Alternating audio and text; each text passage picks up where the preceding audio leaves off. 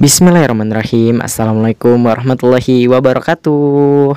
Apa kabar teman-teman? Semoga sehat selalu dan selalu semangat Untuk mencapai cita-cita kita Yaitu menuju surganya Allah subhanahu wa ta'ala. Jadi pada kesempatan kali ini Aku ingin sharing tentang waktu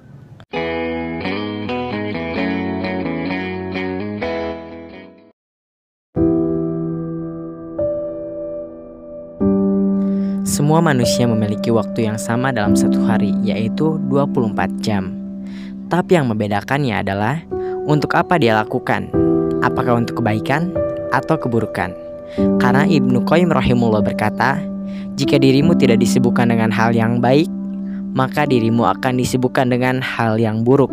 Dan menurut aku hadis itu kena banget kepada remaja saat ini Karena ya kita tahu kita udah libur selama 4 bulan dan aku ngerasain banget bosannya minta ampun.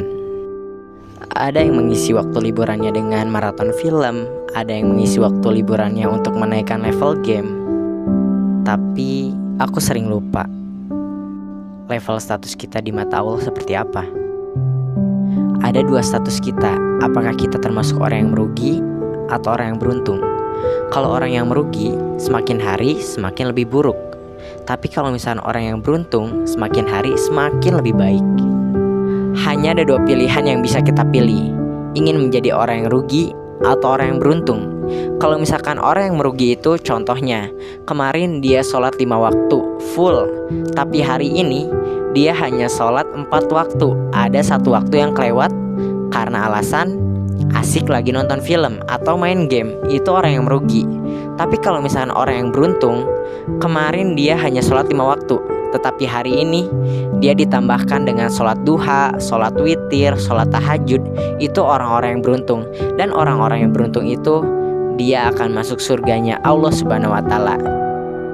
Karena dalam Quran Surat Al-Asr Allah berfirman, Wal asr demi waktu, innal insana lafi khusr. Sesungguhnya manusia itu berada dalam kerugian. Tapi illalladzina amanu wa amilus solihat wa bil haqqi wa bis sabr kecuali orang-orang yang beramal soleh dan saling menasihati dalam kebenaran dan kesabaran. Yuk sibukkan diri kita untuk menambah amal baik, baik itu yang wajib maupun yang sunnah, dan jangan lupa baca Quran.